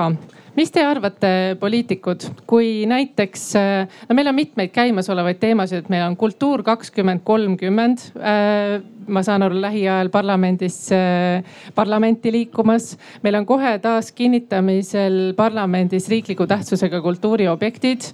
Äh, me liigume muutuste perioodil valdkonnas. mis te arvate sellest, kui nüüd sügisel äkki korraldaks ühe kultuuri sellise ühise nii-öelda seminari Riigikogus? Kultuurikomisjoni näiteks eestvedamisel. kui siin oli palju sellest dialoogi loomisest ja nagu koosmõtlemisest ja, ja sellest laevast, kus on, mis liigub ja kus on reisijad ja kus on visioon ja nii-öelda nagu sellest koos tegema, võib-olla praegu on just see aeg, kus seda nii-öelda koos tegemise vaimu peaks natuke nii-öelda nagu aktiveerima. et mis te arvate sellisest mõttest, kui me tooks selle kultuurivestluse nii-öelda sinna Eesti demokraatia sellesse põhiinstitutsiooni, parlamenti? suurima, suurima heameelega. suurepärane, suurima heameelega. kas teised ka on nõus või noogutavad? kommentaari enam pikalt ei võta, aga siin on põhimõtteliselt ei või jah vastus Toivo Tasa soovib öelda, Anneli Ott, te soovite ise ka öelda? Oi, ai, ai, ai, ai, kohe ütleme kolm ei, punkti ka. ma tahtsin lihtsalt ütelda, et äh, teisipäeval ma kohtun äh, kultuurikomisjoniga, et hea idee siit kaasa võtta ja, ja kui äh, riigikogu alustab siin septembri teisest nädalast, et siis kindlasti selline, selline elav arutelu oleks hea algus ju uuele sessioonile. ja, ja Toivo Tasa loomulikult saab öelda soravalt kolm punkti. oma kolm punkti. tähendab, kõigepealt ma tahtsin öelda seda, et saagem siiski jah veel kord elanikust kodanikuks, see tähendab õppimist, vastutust kõigil juhtimise ja tegemise tasemetel. teiseks noortele eesti keel, seepärast et eh, iseseisvuse ajal on ligi nelisada tundi koolide programmidest eesti keele ja kirjanduse õpetuse tunde kadunud. küsin ministrite käest, kuhu nad küll võisid kaduda siis noored peaksid saama oma kodu, nii et nad ei peaks minema enne seda välismaale tööle ja tööl peaks saama normaalset palka. Noortele peaks jääma õigus mm, mitte poliitilise korrektsuse järel ainult käia, vaid oma peaga julgeda kriitiliselt mõelda. ja et eestlased võiksid armastusest saada hästi palju lapsi, suured pered. Ja ärge unustage, et Euroopa Liidus on tegelikult suund hetkel küll sellele, mis on vastu meie põhiseaduse nõudele et kestaks igavesti eesti rahvas, äh, keel ja kultuur. Euroopas on mitmeid manifeste, mis tänaseni kehtivad mis äh, kutsuvad üles üle saama rahvusriikide kitsarinnalisusest. mina soovitaksin aga Pariisi manifestiga teil tutvuda, see on aastast kaks tuhat seitseteist. väga ilus, sõbralik ja tõsine lugemine, aitäh teile. nii ja meil on publikust üks küsimus ka, kas meil on publiku mikker ka või ma ise, kas keegi viib selle küsimuste esitajani? seal on meil üks küsimus publikust, kohe jõuab ka ja nii okei okay,, no äh, minu äh,, hallo, hallo.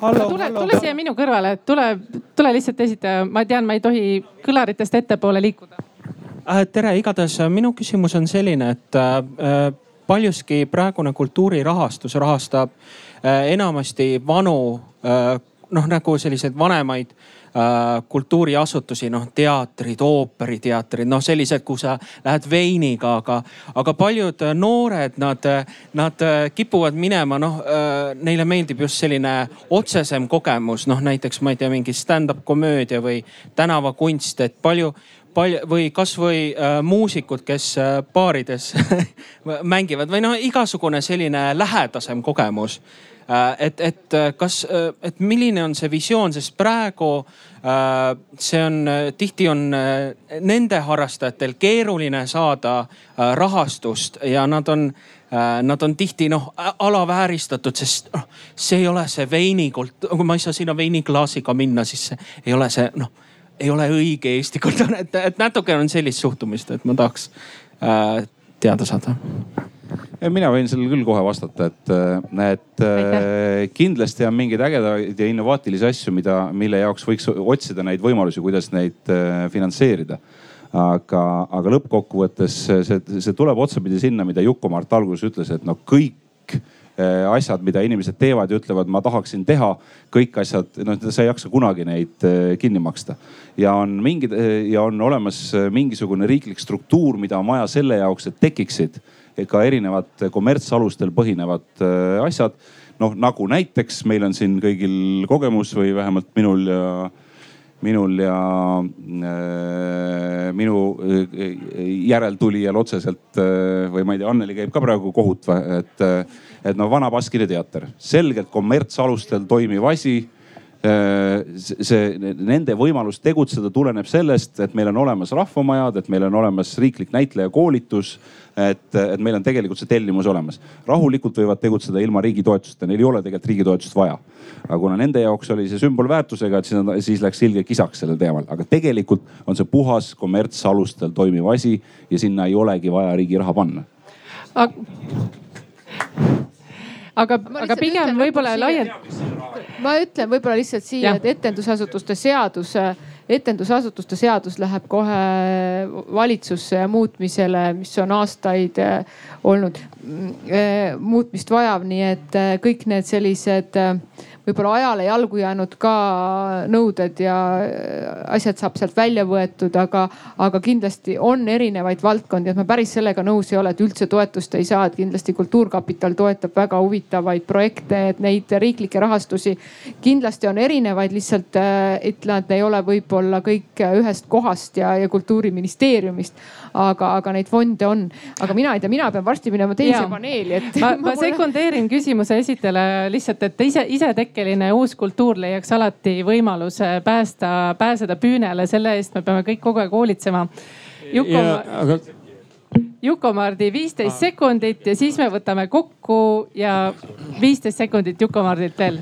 nii järgmisse aastasse vaadates siinsamas Arvamusfestivalil, mis meil jäi täna rääkimata, ülioluline on see, et praegused teismelised nendest umbes kolmandik kümne aasta pärast elatub Google'ist saadavatest rahadest ehk siis täiesti uued ärimudelid kultuuri ja loovussektoris. Teiseks vaimse tervise küsimused ja kolmandaks eesti keel äh, digiplatvormidel, et need jäid natuke hõredaks. järgmiseks Arvamusfestivaliks ülioluline paneel minu meelest. ja suur aitäh, siin on teemat äh, jätkub pikemalt. aitäh kõikidele panelistidele ja kõikidele kaasa mõtlemast, aitäh publikule. Eesti kultuur on elujõuline ja meil on palju ideid, kuidas edasi minna ja sügisel parlamendis näeme. aplaus panelistidele, aitäh. selge see, et